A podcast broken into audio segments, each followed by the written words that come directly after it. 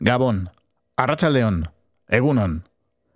Te doy la bienvenida una semana más a Estamos Dentro, un espacio de entrevistas hogareñas que producimos desde Ulu Media para EITV Podcast. No, Trini, no.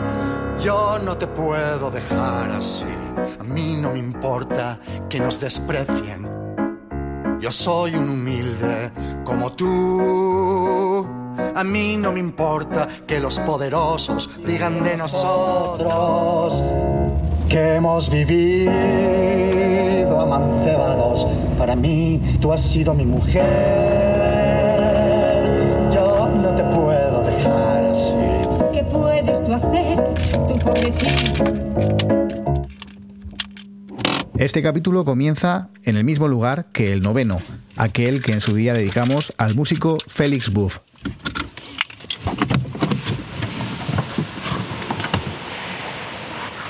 En aquel episodio también registramos este sonido.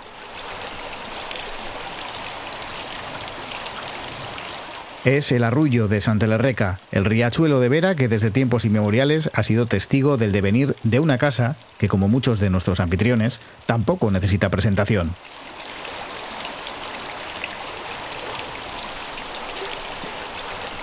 En los 18 capítulos anteriores hemos visitado lugares como la Cueva del Troll de Paul Urquijo, el ático de Aichiber Garmendia o el Choco del Drogas.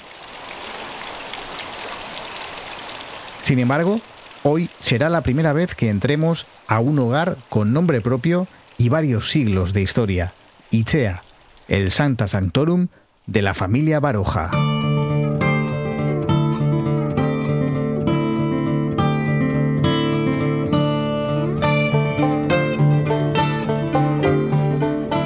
Soy Juan G. Andrés y hoy en Estamos Dentro accedemos a Icea, la casa de Pío Caro Baroja Jaureguialzo. No solo en Itzea, en general, la vida está hecha también de, de fantasmas. Esa Itzea en realidad eh, es una señora, me lo imagino, un conglomerado de fuerzas que habita en nuestra ausencia que tiene sus propios ruidos, eh, tiene su, su, identidad propia al margen de los Baroja. Es el producto de una serie de personalidades y de fuerzas distintas, fantasmagórico desde el punto de vista que no se puede interactuar de una manera que conocemos o una manera usual con ellos, pero ahí están sus libros y ahí están eh, sus cuadros y, y en fin, y son unos fantasmas que acompañan mucho.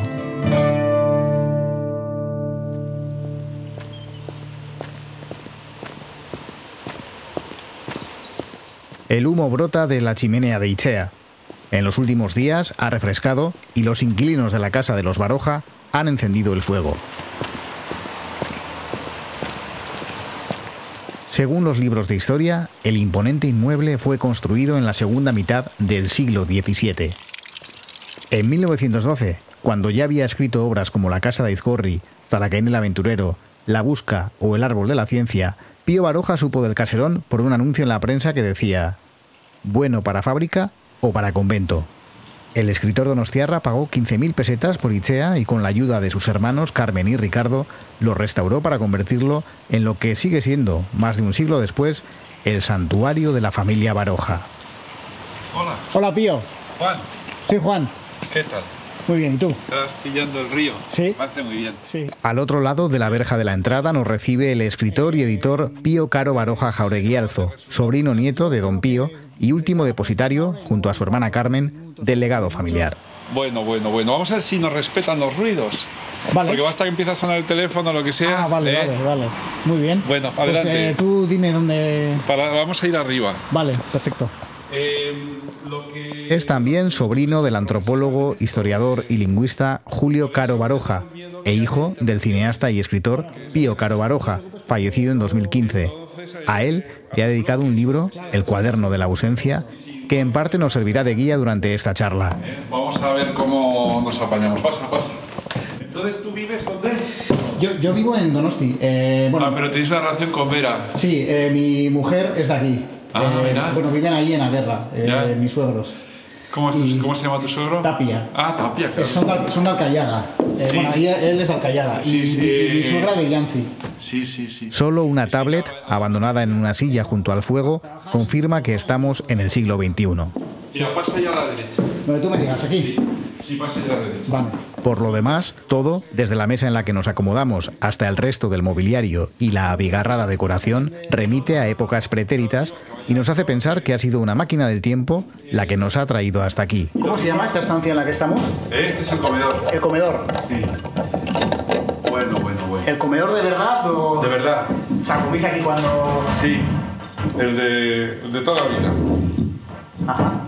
Lo que pasa es que ya es una sala multiusos. Claro. Por el fuego, y en fin. Ya he visto que salí, que estaba la chimenea encendida. Cuando he Sí, aparcado ahí sí, en sí, los sí, bomberos, sí, he visto, sí. uy, mira, ya es que ya ha empezado a hacer a refrescar ya. Ya hace mucho frío, sí. Claro, sí, sí, sí. Toma, te pongo agua si quieres. Sí, ahí sí, pongo te un agradezco. vaso. Pero ponte tú también que tú hablarás más que yo. Bueno, Pío, pues a ver, vamos a probar cómo suena. Ah, ¿me, me escuchas? Te escucho perfectamente, sí. Bueno.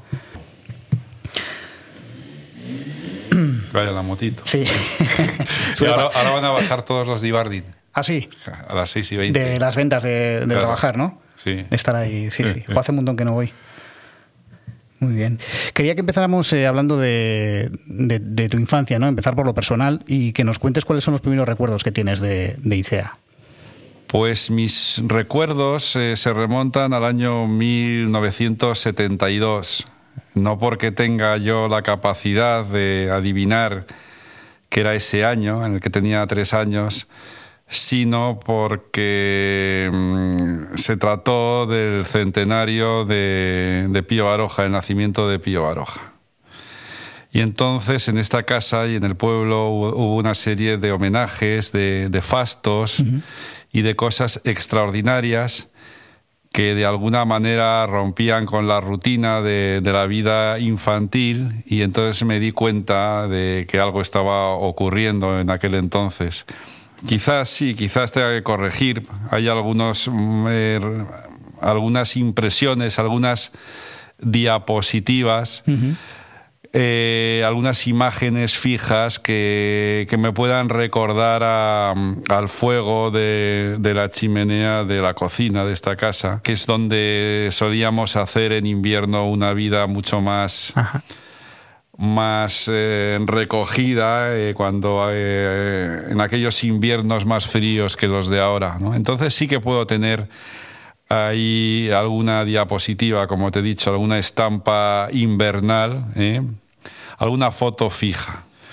Estaríamos hablando quizás de unas navidades de, pues sí, de comienzo de la década de los 70, porque yo nací el 9 de febrero de, de 1969. Pues Naciste en Madrid y hasta hace poco creo que venís eh, prácticamente solo en, en verano, ¿no? Mm, Sin embargo, llevas ya un tiempo aquí instalado, si no me equivoco. Eh, durante varios años, en mi adolescencia, viví en San Sebastián. Mm. Eran los años 80, eh, cuando a mi tío Julio Caro Baroja se le empezó a, a reconocer y, y dio algunos cursos y clases en la Universidad de Zorroaga. Entonces, a mi padre, eh, en la situación nueva de las libertades, pues de alguna manera quiso que viniésemos a, a vivir o que estuviésemos próximos eh, a nuestra tierra, al país y también eh, cerca, de, cerca de esta casa. Luego ya eh, volví a Madrid a seguir con los estudios, pero nunca perdí el contacto con Vera, eh, donde veníamos pues todas las vacaciones, salvo un mes que pasábamos en Andalucía, eh, muchos fines de semana, y más recientemente, ya en la vida adulta, he procurado pasar siempre una semana mensual en, en esta casa. ¿Qué ocurre? Que a raíz de, de la dichosa pandemia, pues eh, la primera parte la pasamos en, en, el sur, en Andalucía, y luego ya cuando se pudo venir, pues nos instalamos aquí en, en Icea y, aquí seguimos, que es un lugar donde mi madre, que tiene años, una anciana, pues eh, se siente más, eh, más protegida y, más segura. Entonces sí, en realidad llevamos eh, un año y medio viviendo en Vera de Vidasoa, salvo un fugaz viaje a Madrid y Andalucía de una semana.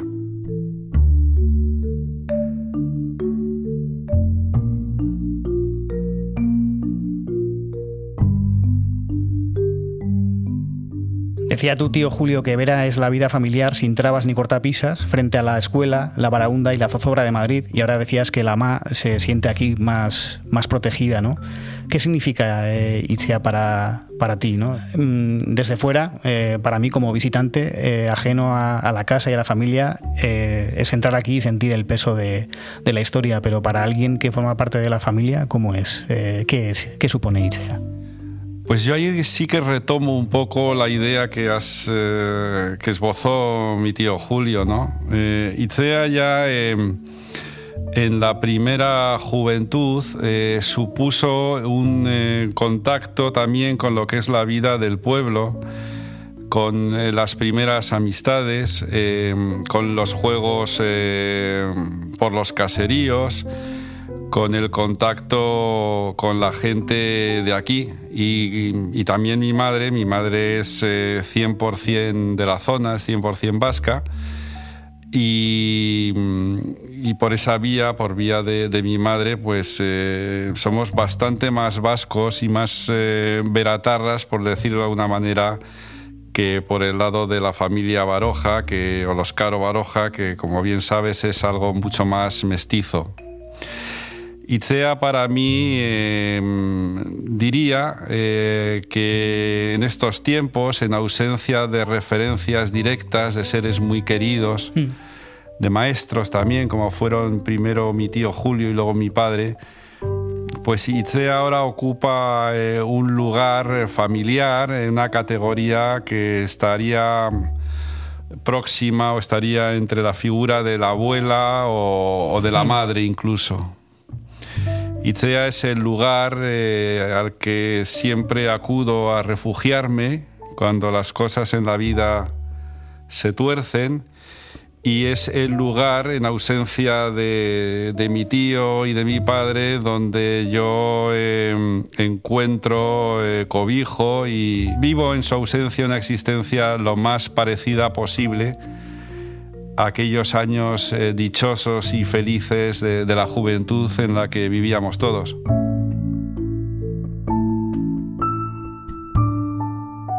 Has comparado la casa con una madre, con una abuela, es casi, ¿no? Y, sea como ser vivo y algo que tu tío también, Julio Caro Baroja, eh, os, solía, os solía decir eh, cuando le llamabais para preguntarle qué tal estaba él y él os respondía, la casa está bien, Icea está bien.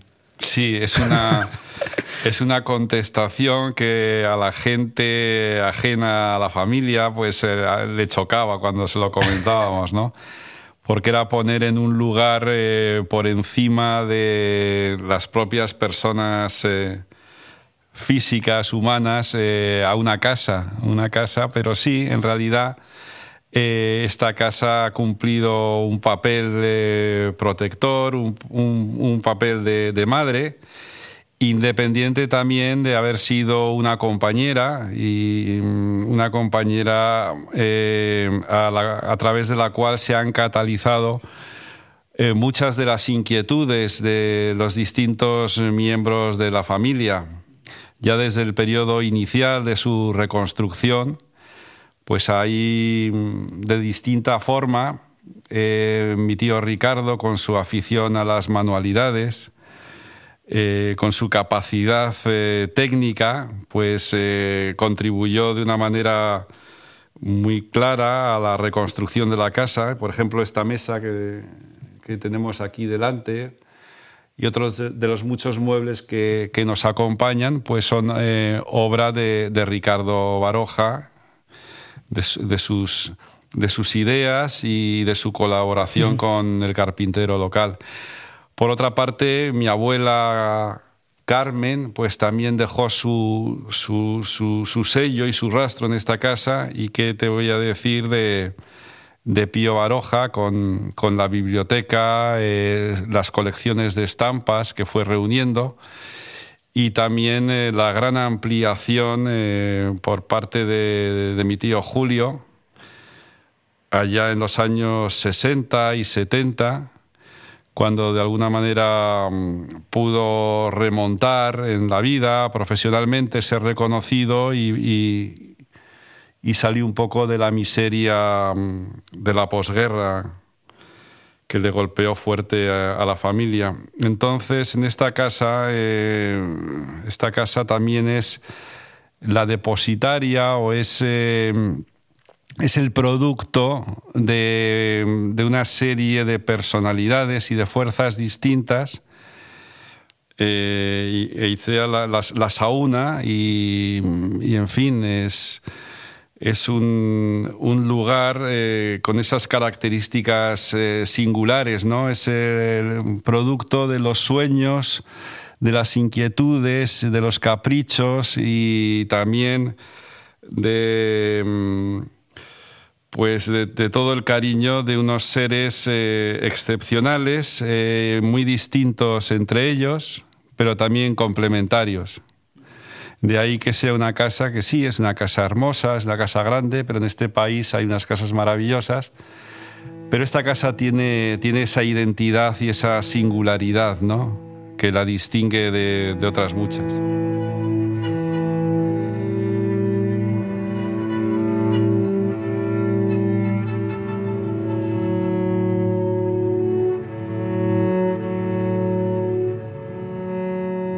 El libro del que estábamos hablando, que es un libro que escribiste tú el año pasado, que se titula El cuaderno de la ausencia y que desde aquí, desde estos micrófonos, recomendamos fervientemente, dices que hay dos Icheas, la conocida, que es la vuestra, la de la familia, y otra sombría, oscura, ajena a sus habitantes. Cuéntame cómo es eso y si, si, si aspiras a llegar a conocer alguna vez esa otra Ichea. Bueno, esa Itzea en realidad eh, es una señora, me lo imagino, una, eh, una un personaje eh, que en mis ensoñaciones lo imagino ahí como un conglomerado de fuerzas que habita en nuestra ausencia que tiene sus propios ruidos, eh, tiene su, identidad propia al margen de los Baroja y que está muy conectada también con lo que es el, paisaje de, esta tierra, ¿eh? con el río Chantelerreca, eh, con esta carretera camino de Urruña, esta carretera de, de Francia a las faldas del Monte Larún. Es una, una ensoñación, eh, es una, una, cosa quizás, un producto, una reflexión literaria. Entonces, eh, la Icea luminosa o conocida es la que habitamos, la que estamos viendo, y esa Icea profunda quizás sería la que yo me encuentro cuando suelo venir después de una larga temporada fuera, y entonces, como digo en el libro, la voy abriendo a la luz ¿eh? voy abriendo a la luz y van entrando por las contraventanas pues una serie de rayos que de manera eh, siempre distinta eh, van iluminando los distintos rincones de la casa de una manera completamente distinta a la que yo conozco, a la que estamos viendo ahora cuando la casa es habitada son ruidos, son olores, son sensaciones y ya te digo, son em, fabulaciones eh, literarias, ¿no? Eh, siempre en torno a la identidad de esta casa como, como un ser vivo.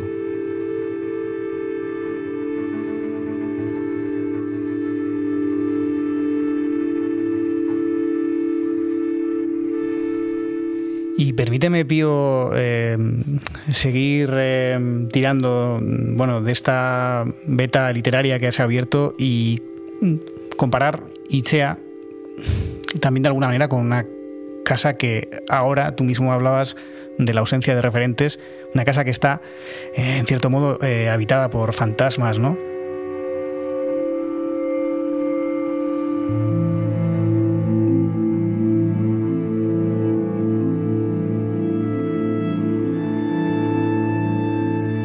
Bueno, eh, sí, eh, la realidad es, esa. Eh, pero ¿cuál es la singularidad de, esos fantasmas? La singularidad de esos fantasmas, aparte de ser fantasmas absolutamente amables y alejados de cualquier connotación clásica y, negativa de ese fenómeno, esta casa está habitada de, una serie de, fuerzas que son... Eh, no quiero que parezca esto excesivo, pero que sí son inmortales. Son es la grandeza de, la literatura, es la grandeza de, de la obra que dejaron atrás estos personajes, son los libros de, de, Pío, ahí está Shanti Andía en la habitación de Alao, en el cuarto verde. Ahí está también pues eh, el paisaje de, de Zalacain. Ahí están también los cuadros de Ricardo Baroja.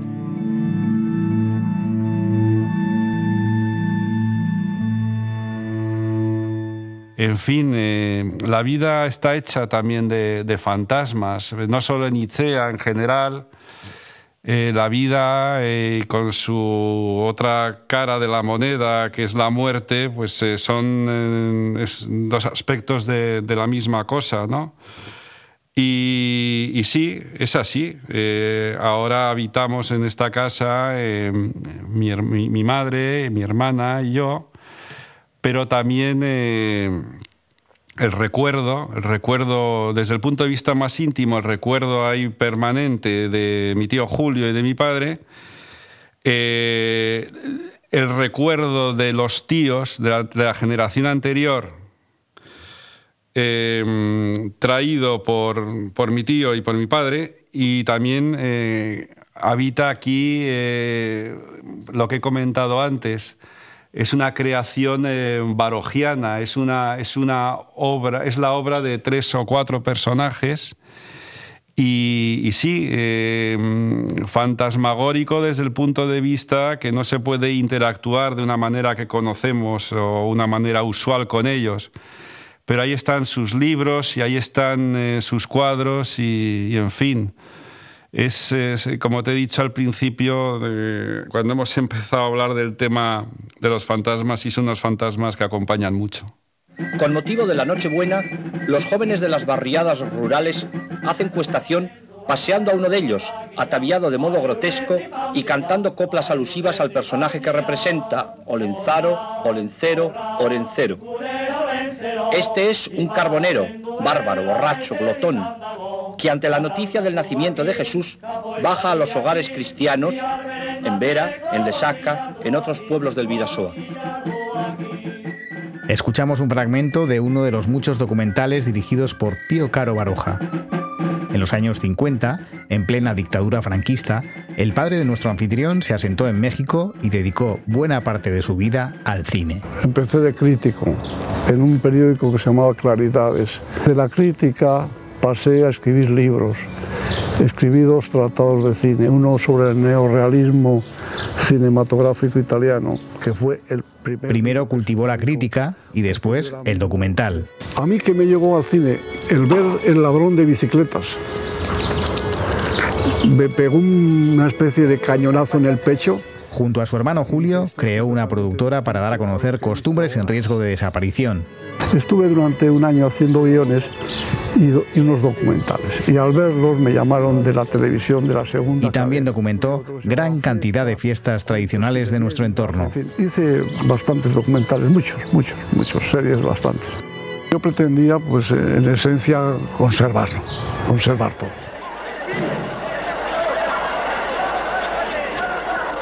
Ha explotado el relámpago de cuernos que deshace la vida y la muerte. Es el encierro los negros toros embisten nostálgicos de sangre femoral y de gangrena. Ni el mayoral puede ya detenerlos.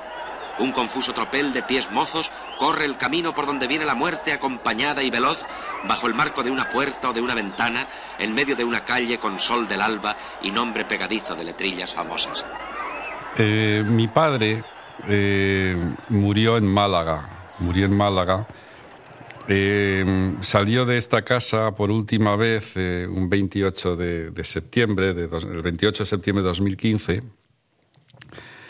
y fuimos al sur con la idea de, que allí, en, aquel clima, pues se, iba, se iba a curar o iba a mejorar o iba a tener mejores condiciones de vida.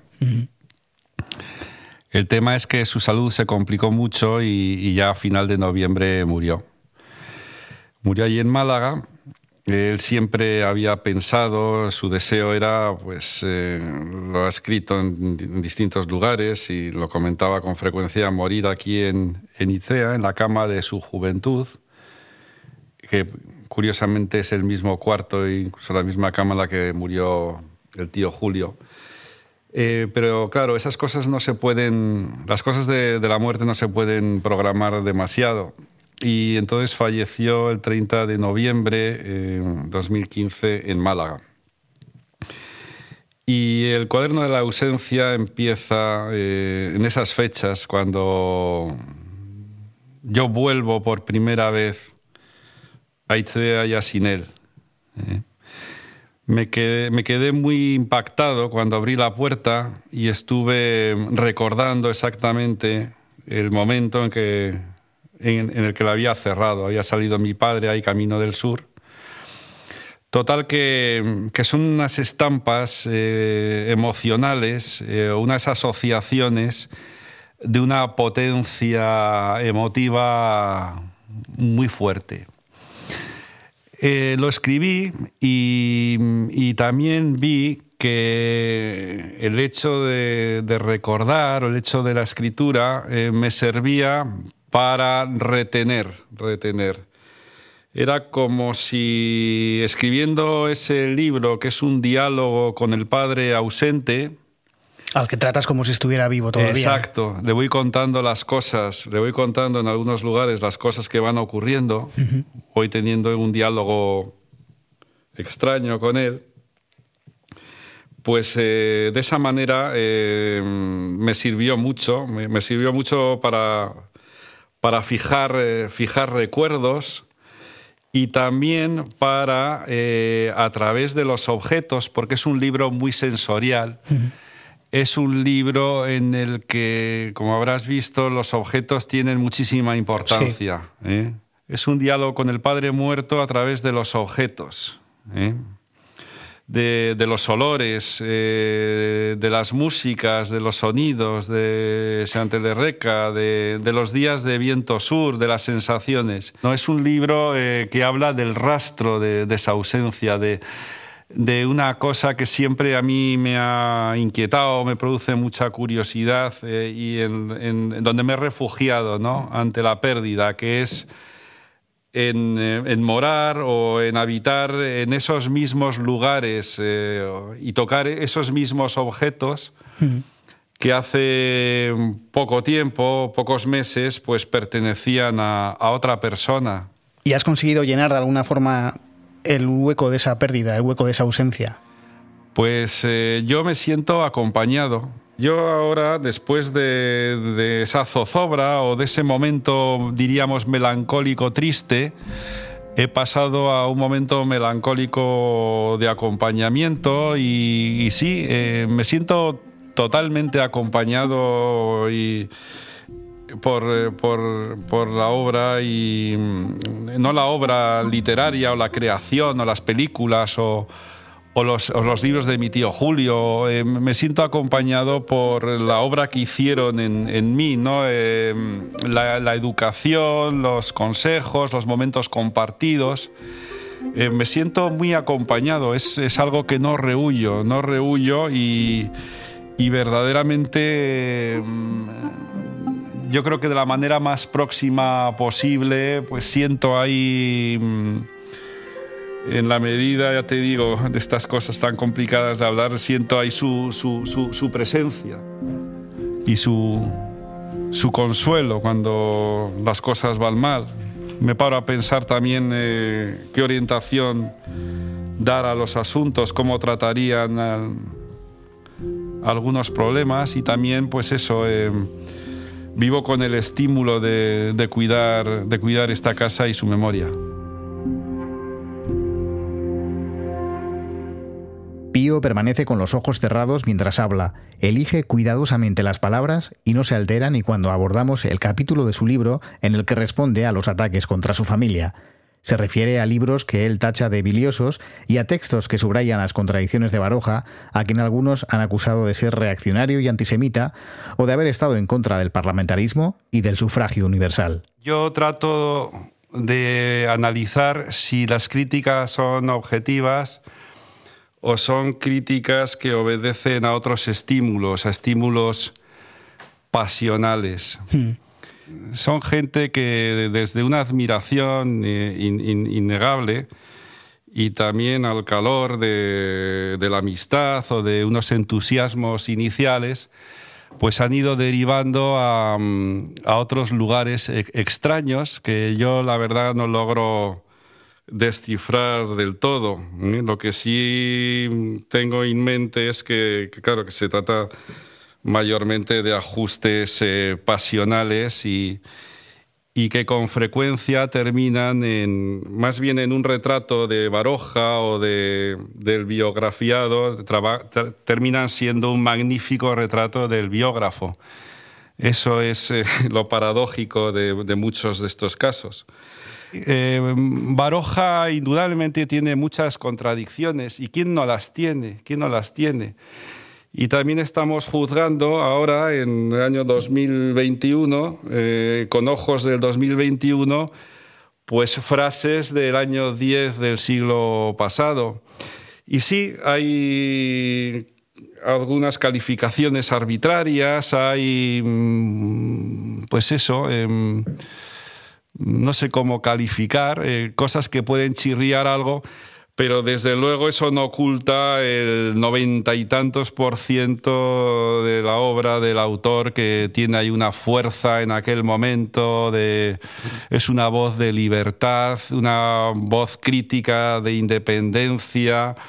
Eh, es una voz eh, humana también, eh, en fin, yo creo que el peso de Baroja, independientemente de, de estas pequeños pellizcos de monja, o, hmm. eh, donde se revive un poco también toda la, clericalina norteña, toda esta clericalina que ha existido siempre. Eh, son cosas como muy sacristanescas a veces, pues eso no, no, resta nada a, lo que es la obra ni la figura de Baroja. Es más, Baroja se sigue editando, El árbol de la ciencia es uno de los libros pues, más leídos que haya en bolsillo en este país y, Baroja es un refugio para, para muchos miles de lectores. Eh, la gente joven lee a Baroja porque su prosa es ágil, es rápida, es un chispazo de fuerza.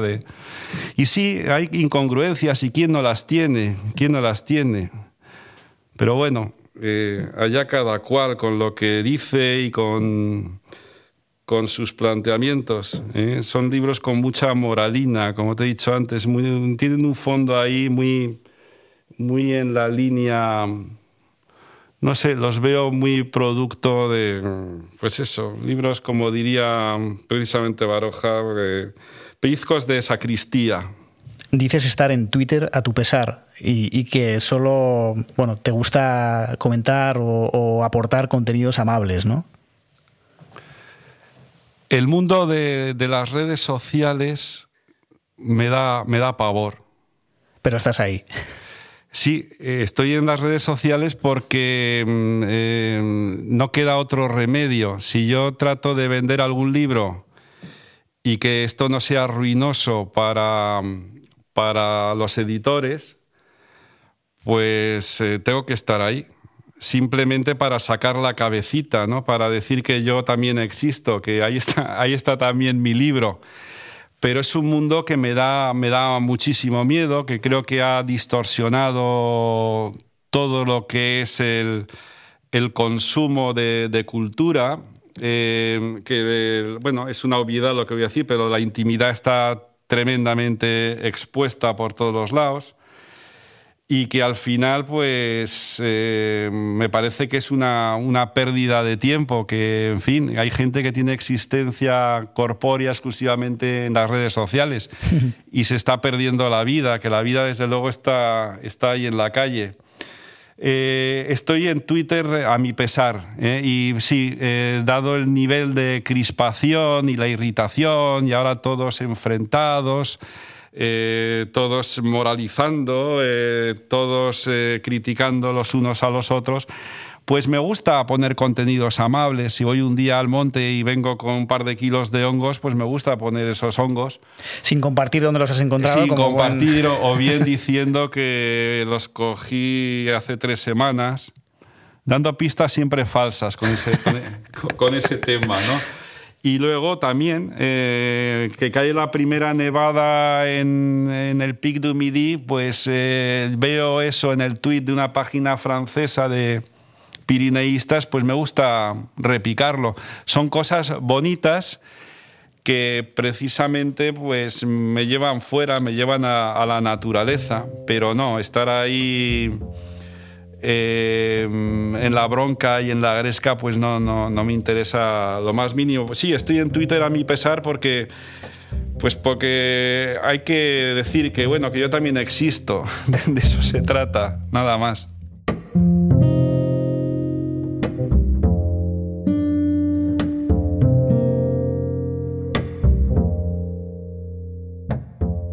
A su hermana Carmen, Pío Caro Baroja Jaureguialzo lleva las riendas de Caro Raggio, la editorial familiar fundada en 1917. Pese a que Baroja sigue siendo un autor leído, por distintos motivos la firma se enfrenta a un futuro incierto. Indudablemente el, libro más vendido es El Árbol de la Ciencia. El Árbol de la Ciencia es un libro em, que está un libro que han estudiado, que lo han leído generaciones, generaciones eh, de, chicos y que se sigue leyendo, se sigue leyendo con mm, todos los años. Luego eh, hay otros libros, eh, están Zalacain el aventurero, Las inquietudes de Santa Día. Se, venden menos, pero siempre mm, a lo largo del año hay varios miles de ejemplares de cada título que, que, se, que se venden. Y luego eh, está el problema, claro, es una obra muy extensa y, hoy en día pues el mercado, lo que hablábamos antes, el mercado del libro está muy distorsionado. Eh, los hábitos de consumo son otros, entonces eh, yo creo que la tendencia en el futuro va a ser ir a compilaciones o ir agrupándolo en trilogías porque mantener viva mantener vivo el catálogo íntegro de un autor eh, prolífico es, una cosa que no es viable económicamente. Mi labor como editor de, Caro Raggio, pues yo creo que ya está al final, ¿no? Está concluyendo el ciclo. Un poco ahondando también la pregunta anterior de la situación del mundo editorial, pues mira, es, es complicadísimo porque mm, todo funciona de una manera eh, prácticamente el libro es como si fuese un objeto de una balda de un supermercado. Están las reposiciones, están los depósitos, eh, las rotaciones, las devoluciones. Es, una cosa como eh, muy difícil de, meterse ahí. Y yo que tengo una capacidad nula para hacer la pelota, o, pues mi labor editorial sí que es fantasmagórica, prácticamente espectral, vamos.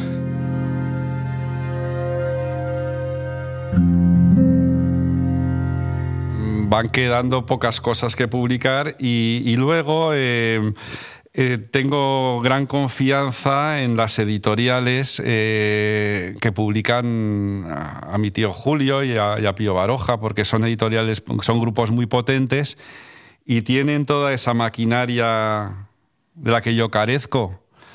Entonces, no puedo yo asfixiar la obra de Baroja reservándome exclusivamente para Caro Raggio o Caro Raggio eh, el árbol de la ciencia. ¿no? Ahí estoy privando eh, que ese libro, estoy, estoy de alguna manera em, evitando que ese libro llegue masivamente a un precio muy económico a, hmm. a, varias decenas de miles de, lectores anuales. ¿eh? ¿Qué, son los derechos compartidos? ¿Tenéis los derechos compartidos, por ejemplo, del, del arco de la ciencia? Yo no sé, yo tengo ediciones de, de, eh, cátedra, creo que son, unos negros. Eh, sí, sí. Em, existe el doble sello, el doble sello, pero ah. claro, el doble sello se dio con cátedra, em, es el doble sello, creo que del árbol de la ciencia, cátedra Caro Ragio y luego también está el doble sello con Tusquets en algunas cosas, pero es una cosa eh, que no tiene un trasfondo comercial, ninguna lógica empresarial, es simplemente una cuestión de amistad. ¿no? En su momento, por ejemplo, en el caso de Tusquets, eh, mi querido amigo Tony López La Madrid, en su momento. Dice, oye, pues vamos a hacer el doble sello, venga, que puede estar bonito. Y, nada, eh, en una sobremesa pues nos pareció una idea romántica de que figurase en la cubierta eh, el doble sello, pero indudablemente el esfuerzo editorial y, todo pues correspondía a ellos. Eh, ¿Estás con tu hermana haciendo las labores de, edición? ¿Cómo, cómo es eso? Mi hermana ha publicado recientemente Ciudades de Italia, de Baroja, ha hecho un estudio introductorio y mi hermana es, es, bibliotecaria y es del Cuerpo Superior de Bibliotecas y está muy, tiene mucha capacidad eh, de lo que es la gestión del patrimonio desde ese punto de vista archivístico y, de biblioteca. Es así por, es el alma de de lo que sería la, custodia desde ese punto de vista de la biblioteca y del archivo de la familia. En el cuaderno de la ausencia, Pío escribe sobre los olores de Itzea que desde niño forman parte de su memoria olfativa. Por ejemplo, el aroma a madera encerada, a pólvora, a cuero o a aceite de armas. Como esto es un podcast y de momento no se puede oler, le propongo una visita a la casa en la que me revele cuáles son los sonidos de Itzea. Que va a grabar tres minutos de caja de música. Para música de fondo, no digo para el... Tres minutos. A ver. ¿Dónde estamos ahora, Pío?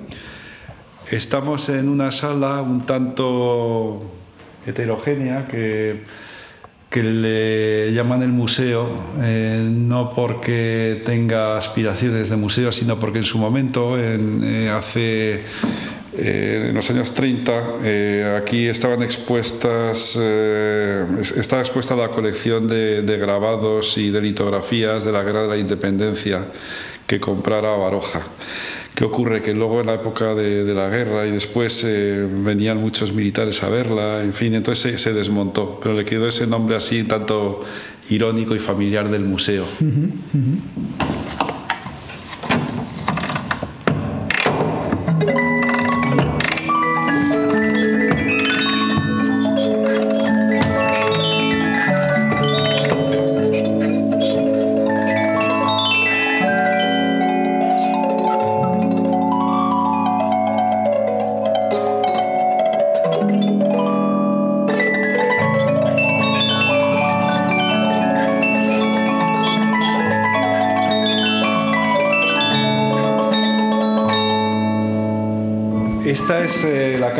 Música de Icea que lleva en la familia pues desde el siglo XIX y para mí siempre ha sido desde niño la música de Icea.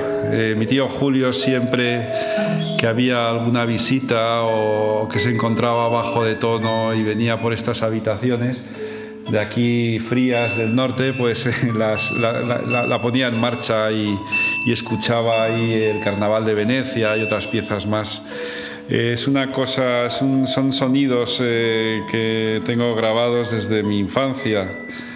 Eh, estas melodías también, estas melodías también las escucharía tu tío abuelo Pío. Claro, Pío Baroja, mi abuela, la abuelita. Lleva desde el 19 con nosotros esta caja. ¿Qué otros sonidos eh, destacarías de, de, la casa de Ichea? Bueno, el sonido, ya de paso te enseño. Este es el cuarto el cuarto amarillo, que era de la tía Juana, la tía Juana, eh, que es eh, la viuda de don Matías La Casa, introductor de la barra de Viena en España. y de ahí viene eh, la panadería de los Baroja. Heredaron de ella la panadería. ¿Eh? La panadería de Madrid, ¿no? Exacto, es un retrato de Gisbert. Sonidos de Icea, por ejemplo, el, el río, Sante de Reca.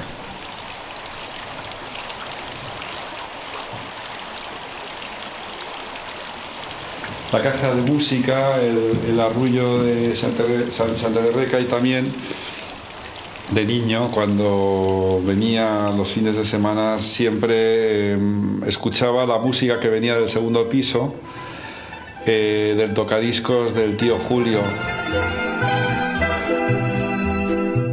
Varca che passano, voce pomare, terra pusilla che sente cantare. So voce tenera, canzone amara, che solo Napoli sape cantare. generalmente con canciones napolitanas y, y romanzas, ¿no? porque en esa época había dejado a, a un lado la música más bien culta y, y le gustaban todas estas canciones eh, de su gran eh, pasión del final de la vida, que fue Italia. ¿no? Y entonces yo recuerdo eso, eh, las voces de, de Roberto Murolo, de Sergio Bruni y de otros, de otros muchos cuando llegaba a casa eh, y me esperaba el tío Julio para pasar los fines de semana.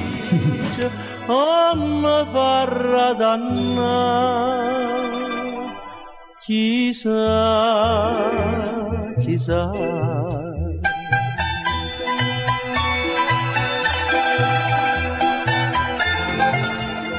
Ese es el cuarto verde que te comenté antes. Ah, el cuarto verde. Sí, sí, sí, sí. Qué bonito. Sí. Aquí hay cuadros de, de vuestro tío abuelo también, Ricardo. Ah, no, ahora los vas a ver. Y este cuarto que consistía, hay un, hay un violonchelo también. Ese es el violonchelo de Serafín Baroja. Serafín Baroja eh, venía desde Río Tinto con él a tocar en La Salve, en San Sebastián, porque era muy, muy cosquero, muy José Maritarra, a diferencia de, de su hijo Pío. Y entonces ese es el, el violonchelo de Serafín, en esta habitación que estaba en el puerto de San Sebastián, que es la, la habitación de la tía Cesárea, o la tía Úrsula, que es el trasunto de las inquietudes de Santander, con todos los recuerdos eh, de, de Ah, o sea, esto es una sí. reproducción de la No, habitación eh, que eh, había bueno, en- sí, es, es reproducción en, en- en la medida que, que, que, en fin, que es el, el cuarto, este, esta habitación, esta sala estaba en el puerto de San Sebastián, estaba allí.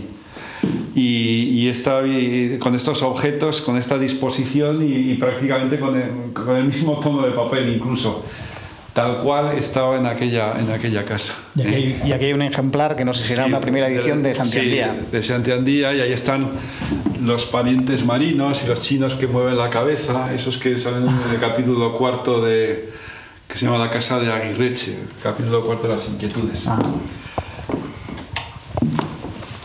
Bueno, Bueno, otro sonido es la madera también, claro, ¿no? la madera, sí. Mira, es que aquí no hay bombilla ahora, porque esta es eh, los cuadros de Ricardo, Ah, vale. la biblioteca. Esto lo he visto en algún reportaje, es una, una maravilla. Esta es la biblioteca de Icea, la biblioteca antigua, eh, formada principalmente por, por Pío Baroja y luego eh, también eh, ampliada por Julio. Por ejemplo, toda esta, es- esta sección es muy caro-barojiana en el sentido que ahí están infinidad de libros de sus inquietudes así más extrañas ¿no? en sus estudios de las brujas. ¿Y ellos dónde, dónde, dónde, dónde escribían? ¿Aquí, ¿Aquí mismo escribían? Bueno, eh, sí, indudablemente pasaron muchísimas horas en esta, en esta biblioteca. Escribir pues en, distintos sitios. Yo he visto aquí sobre esta mesa desplegadas infinidad de estampas, de, de libros. eh, y luego mi tío Julio trabajaba en una salita que hay ahí más adelante, pero sí. Y de, y de Baroja pues, pues sí, también hay algunas fotografías en esta biblioteca con su madre ¿eh? No sé si utilizaba esta mesa o la otra, desde luego también está ahí su escritorio. Y, sí, es, eh, es, la biblioteca, es el corazón de ICEA, esta biblioteca. Eh, y está prácticamente igual que, que, a los pocos años ahí de instalarse, ¿no?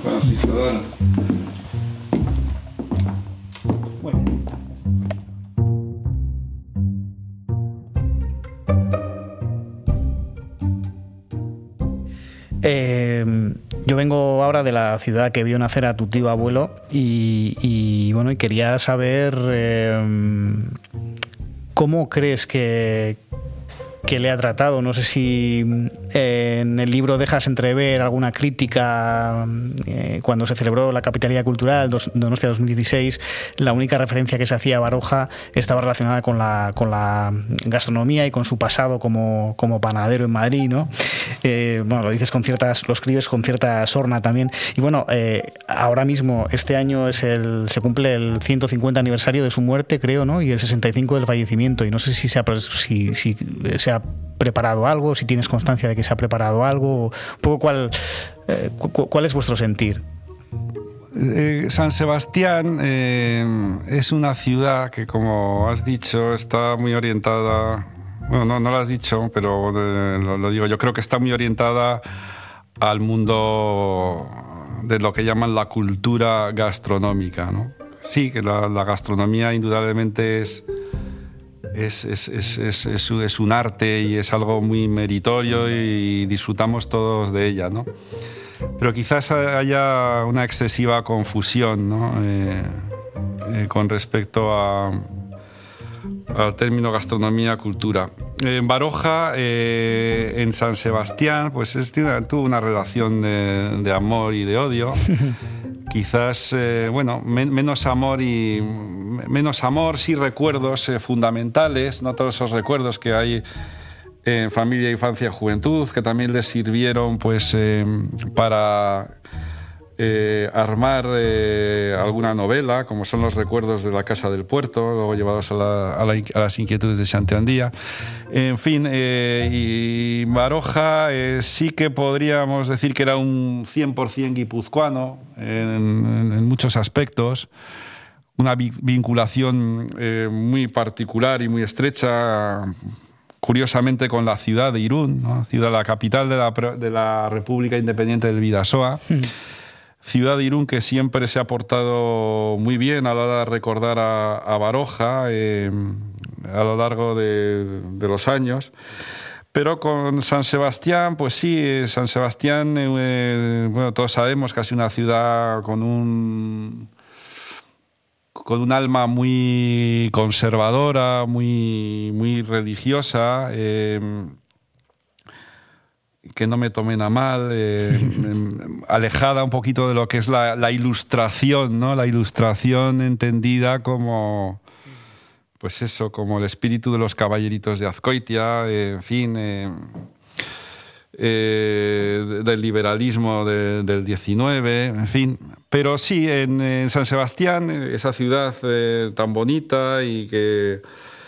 Y, con tanto sabor barogiano, estoy pensando en Serafín, que fue un personaje, el, bisabuelo mío, profundamente José Maritarra, profundamente de allí, pues eh, San Sebastián eh, en las celebraciones eh, de los centenarios, no, de, los eventos en torno a Baroja, pues, pues tampoco se ha volcado, vamos. Baroja es un escritor en literatura española de, de primera, de primera división.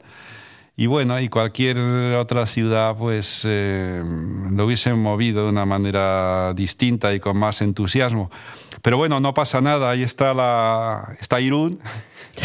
y está el Vidasoa con sus chapelaundis, con sus... ¿Y por qué crees que una ciudad eh, como Donostia, que tiene el honor de, haber sido cuna de un escritor de la talla de Baroja, no le presta la atención debida? Pues probablemente por lo que te comentaba antes, ese sustrato mm, conservador, eh, eh, quizás eh, muy, muy religioso en, en algún momento. Eh, también los encontronazos que tuvo Baroja. Pueden empezar las frases esas que... que- Sí, claro, indudablemente. Sí, lo de la raya de los pantalones y los el veraneo de la familia real. El espíritu de la ciudad es lamentable, decía. Allí no Ya, interesa la ya, ciencia, ya, ni el ya, arte, ni ya. la literatura, ni la historia, ni la Pues- política, ni nada. Técnicamente interesa el rey, Pues- la reina regente, los balandros, las corridas de toros y la forma de los pantalones. Eso es, pues tú lo has dicho, lo has dicho. Pero bueno, 150 años después, yo creo que podría podrían pasar página, ¿no? En Donostia. Pues eh, a ver, a ver, a ver qué se les ocurre. Yo con mi hermana estamos pensando eh, organizar algo así que tenga su, su potencia afectiva, eh, eh, un poco al hilo de la manera con la que empezábamos esta charla, ¿no? hablando de mis primeros recuerdos del año 72, el centenario. Pues sí, eh, sería bonito hacer algo alrededor de- del pueblo, aquí, de esta casa, y, traer, pues no sé, se me, están se me está ocurriendo ahora así, pues eso, que la visita de los chapelaundis con sus canciones, eh, los palomeros de Chalar, algunos arranchales, alguna comida, en fin, alguna conferencia, por si la gente está interesada. Sería bonito hacer algo y también en Irún, y por qué no, pues eh, estamos abiertos a todas esas cosas y estamos empezando a trabajar, estamos eh, haciendo unos esquemas eh, alrededor de ello.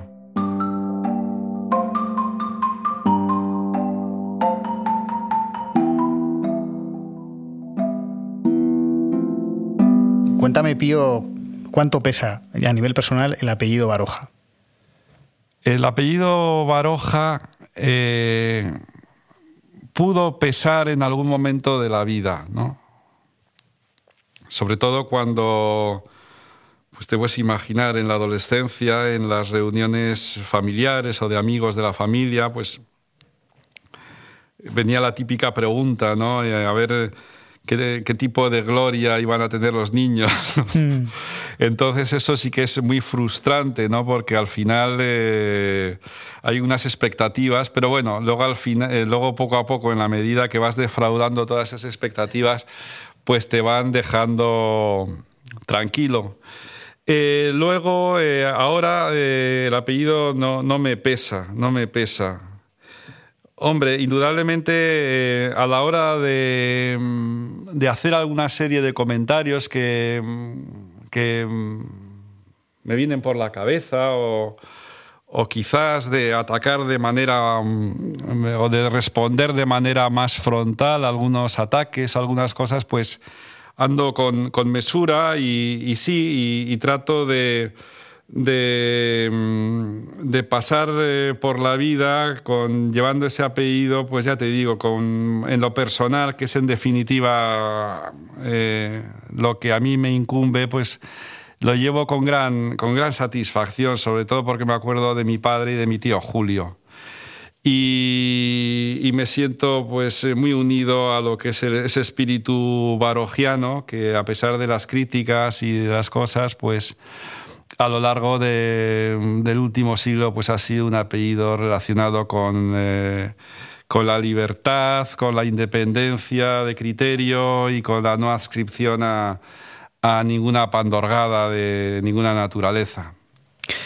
Lo que sí pesará será la responsabilidad de conservar ese, ese legado, ¿no? Que es lo que, lo que eh, supongo que empleas la mayor parte de, de tu tiempo. Hay una, un asunto que sí que me da pesadillas, ¿no? Me da pesadillas, que es eh, estos días así de, de vendavales o de tormentas, pues eh, alguna gotera, ¿no? Me, me obsesiono con el tema de, de las goteras y con, con, con estas cuestiones y también... eh, y, eh, retomando lo que hablábamos antes de la casa como un ser vivo, pues sí, me viene una angustia a veces eh, muy similar a la que un hijo puede tener cuando tiene a un padre o una madre enferma, ¿no? Pero bueno, eh, Itzea, como diría mi tío Julio, es- está bien. Eh, claro que preocupan cosas eh, puntuales, pero también es, es el centro de nuestra vida. ¿Cómo, cómo te imaginas Itzea después de vosotros? Después, perdonad la indiscreción, no sé si tenéis eh, familia, si tenéis descendientes, tu hermana y tú. No. O si sois los últimos Baroja, por decirlo de alguna forma. Pues em, yo, el futuro de ICEA em, no me he parado a pensar en él con profundidad. Hmm. Por, eh, por una sencilla razón. Em, todavía me considero joven y, no me puedo cerrar a, ninguna posibilidad de,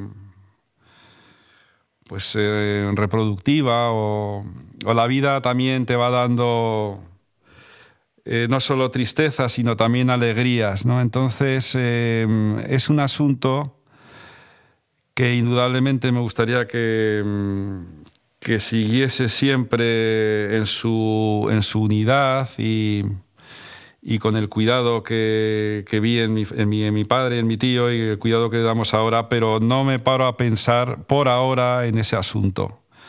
Porque, insisto, que tengo también eh, mis sueños, como todo ser humano, y la vida a veces te puede dar una alegría de naturaleza afectiva y, y entonces uno lo ve todo de, de manera más optimista. Es que en, en, su día yo recuerdo que leí en las noticias que precisamente tu padre eh, quería eh, fundar un museo. No, creo que no era aquí mismo en Itzea, ¿no? No, no, no, convertir, no. ¿Eso nunca lo habéis barajado, convertir Itzea en un museo? No, por ahora no. Y además eh, la impresión, no te estoy hablando en concreto de ICEA, te estoy hablando en general, la impresión es que en este país eh, esas cosas tienen un vuelo muy, muy corto a veces. Eh, la, las experiencias que hay alrededor, pues no, no, no las he visto muy, muy halagüeñas. Pero bueno, seamos optimistas con, con, todo, seamos optimistas. Con respecto a lo del museo que pensó mi padre en su momento, eh, pensó hacerlo fuera de casa, eh, enfrente, si existía la posibilidad de arreglar una casa por ahí, pero... Justo aquí enfrente de... Sí, lo pensó en su momento, pero luego ya desistió. Yo creo que más bien se trataba de proteger el, el, el, entorno de ICEA, de evitar que hiciesen ahí, pues no sé, un, un bloque de viviendas. Yo creo que iba más en ese sentido. Pero bueno, eh, repito lo de antes, ¿no? Eh, con respecto al futuro, pues vamos a ser eh, optimistas y vamos a ver la vida que va marcando. Somos jóvenes aún. Ni tú ni yo podemos ser amantes, ni tú ni yo podemos ser constantes. Olvidar para siempre es mejor la alegría del pasado y el dolor. No, Trini, no. No dudes que te quiero. Y yo por ti daría el mundo entero. Son las voces de Rafael Berrio y Ángela Molina en Ni tú ni yo podemos ser amantes, una canción del homenaje que un rockero, Berrio, y un pianista, José Rasenperena, hicieron a Baroja al adaptar Adiós a la Bohemia, una zarzuela con libreto del escritor y con música de Sorozábal. Se representó una sola vez en 2017 en el Teatro Victoria Eugenia de Donostia. Trini, eres muy cruel conmigo más cruel soy yo conmigo misma. Adiós. Pues aquello fue un, algo que nos entusiasmó. Eh, primero por conocer a, a, Rafa y a Joserra y otros amigos alrededor de, sí. del, del proyecto. Y conocí a Rafa, conocí a Rafa y lo traté. Y vino a casa varias veces y nos llevamos muy bien. Eh, esas, esas personas que estás siempre diciendo tengo que llamar a Rafa, tengo que llamar a Rafa porque te imaginas ahí que siempre va a estar Rafa. Eh, haces proyectos con Rafa para dentro de, de X meses. Eh, cuentas con Rafa y de repente te enteras que Rafa ya no está. Entonces es una de las cosas más frustrantes que me ha pasado últimamente. Y, y José Ra, pues eh, también es, es, amigo, claro, es, es, un personaje entrañable y un pedazo de, de músico. Y ahora que estoy empezando a estudiar eh, guitarra clásica, pues le voy a llamar en cualquier momento para que a ver si me da algunas directrices. ¿eh? Fue aquello emocionante, emocionante y un proyecto maravilloso.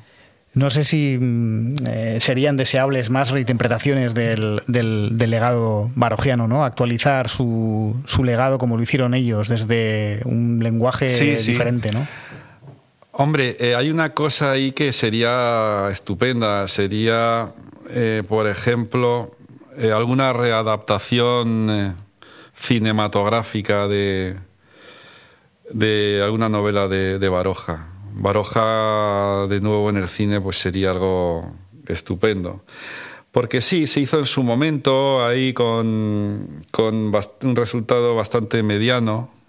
Estoy hablando ahí de, de hace muchos años pero hay, hay una serie de novelas ahí que podían ser eh, estupendas, ¿no? Eh, y, y, no estaría mal una serie también, una serie sobre Zalacain, sería preciosa. ¿eh? O ese libro de, de, del mar, que para mí es el mejor libro con, que se ha escrito de, de literatura del mar, que son las inquietudes de Santi Andía. O sea, Baroja es muy, muy readaptable al, al cine. ¿eh? Sería bonito, sería bonito. A ver si hay suerte. Luego, no sé si estuviste tú en aquella charla que dio el propio Rafael Berrio en el Coldo Michelena, eh, comentando el libro Vitrina Pintoresca, y expresaba este deseo. Y bueno, sin ponerme sentimental, pues que igual mi sobrino que está aquí eh, enfrente de mí, pues que igual un día, un día, pues entusiasmará con Santi Andía, con Zalacaín el aventurero, con Aviraneta el conspirador, con Elizabeth, el vagabundo, con el capitán chimista, con Silvestre Paradox, o con todos los tipos pintorescos y extravagantes de todas sus novelas, ¿no? del laberinto de las sirenas, del gran torbellino del mundo, con los bajos fondos de Aurora Roja, de Malayerga, de La Busca, centenares. O que quizá cuando sea más mayor, igual quizá también comprenda la, ese término tan barogiano ¿no? de la inanidad, que junto con mixtificación yo creo que son las dos palabras favoritas de Baroja, ¿no? inanidad y mixtificación. ¿no? La inanidad de la vida de, reflejada en Andrés Hurtado, ¿no? del árbol de la ciencia, o en Laura, o en Susana, o en los absurdos cazadores de moscas, y tantísimos, tantísimos personajes extravagantes, como digo, de, de, sus más de 70 novelas, si no me equivoco. ¿no? Amén de obras de teatro, de, de, libros de poesías, que los tiene. Y, y, bueno, en fin, que Baroja es nuestro contemporáneo, que es muy difícil pensar que, que nació en 1872 y que, ¿cómo es posible? Es, parece de ahora, ¿no? Que es nuestro contemporáneo. Y que, por decirlo de una manera muy cursi, Baroja es inmortal y que viva Baroja. Y un poco a modo de...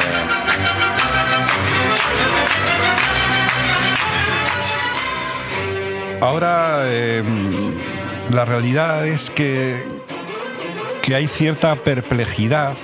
Eh, no, no, estoy hablando de Baroja, estoy hablando de, una cosa que me preocupa mucho, que hemos hablado antes un poquito, que es eh, los nuevos dispositivos, los nuevos medios, las nuevas maneras. ¿no? Indudablemente el libro, en general, el libro está en crisis. El libro está en crisis porque la gente, montas tú en un vagón de tren o en el metro y todo el mundo va, van todos atocinados mirando la pantallita.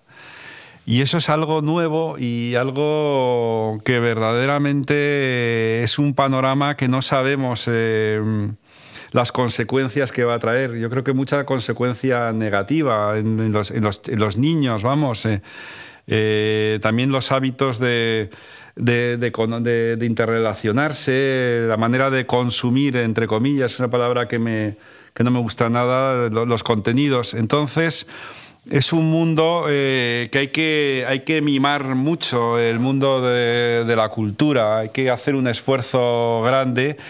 Y quizás eh, Baroja tiene a favor eh, esa, esa prosa que es absolutamente moderna, esa, esos chispazos, esas frases chispazo, es- esas, eh, esa manera de escribir que en el pasado le han criticado tanto y se han reído, pues fíjate, es la, la más eficaz que puede haber eh, ahora y la que más ha sobrevivido.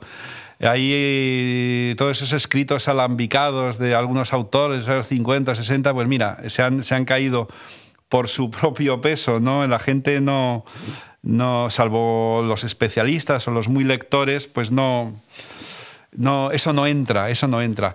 Pero sí que estaría bien eh, acompañar todo ello con eh, esfuerzos y, puestas en escena como la de Rafael Berrio, o, también lo que estamos hablando de- del asunto este de una readaptación cinematográfica.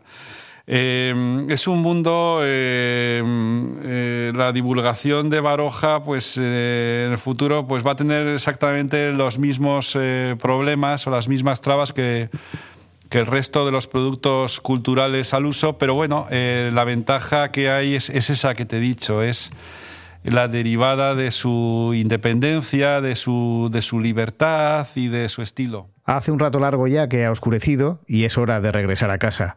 Pero antes de despedirnos, recurro una vez más al tío Julio, a Julio Caro Baroja, que en 1976 fue entrevistado en el programa A Fondo de Televisión Española. Esta era la última pregunta que le formulaba Joaquín Soler Serrano. Y finalmente, don Julio, ¿qué es para usted lo barogiano?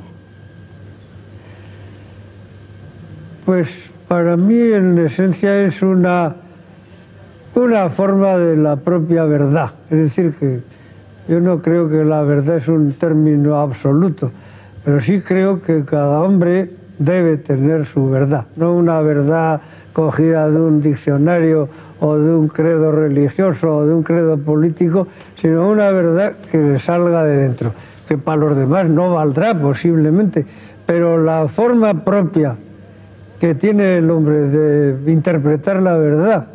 Eso creo que, que fue el ejemplo que, que mi tío dio en un país en que la verdad propia no es de las cosas que más se cultivan. Cultivan verdades generales, abstracciones, eh, lirismos sobre el valor absoluto de las ideas de uno, no de las de los demás.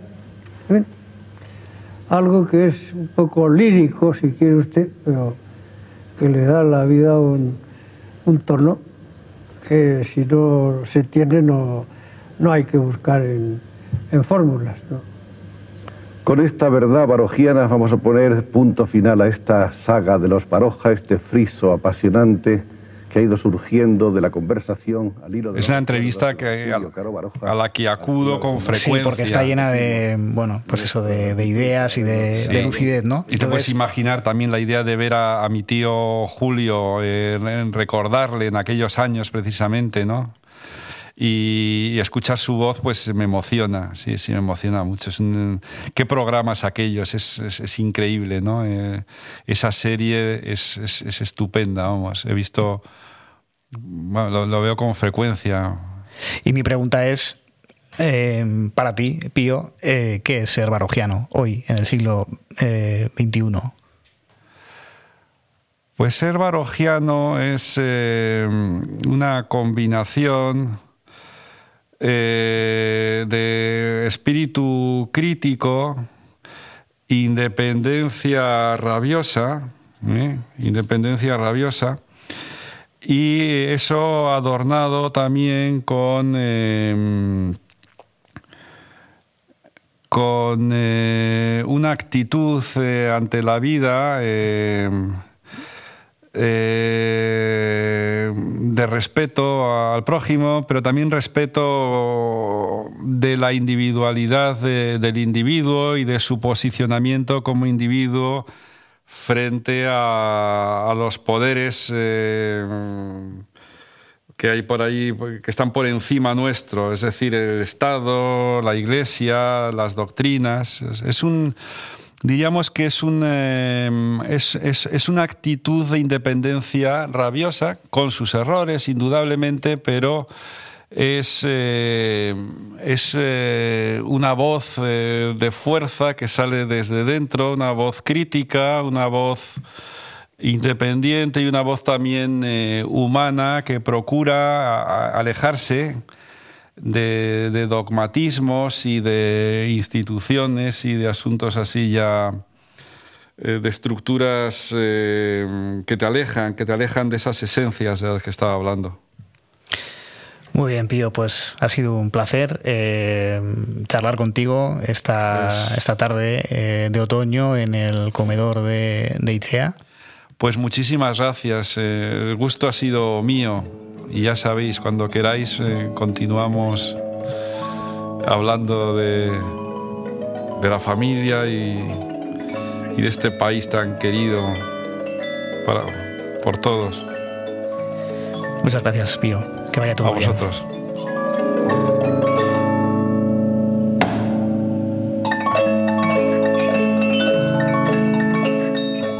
La melodía de la caja de música que desde el siglo XIX ha acompañado a la familia Baroja sirve para despedir el decimonoveno episodio de Estamos Dentro.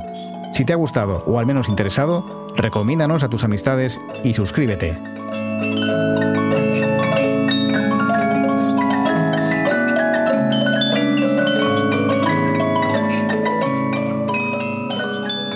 También puedes escuchar Barruan Gaude, nuestro podcast siamés, conducido por mi compañero y amigo Oyer Aranzábal. Búscanos en ITV Podcast o en tu plataforma de audio favorita. Aquí te esperamos la próxima semana. Cuídate mucho.